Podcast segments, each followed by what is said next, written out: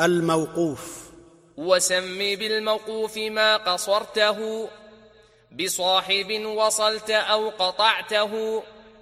وبعض أهل الفقه سماه الأثر وإن تقف بغيره قيد تبر.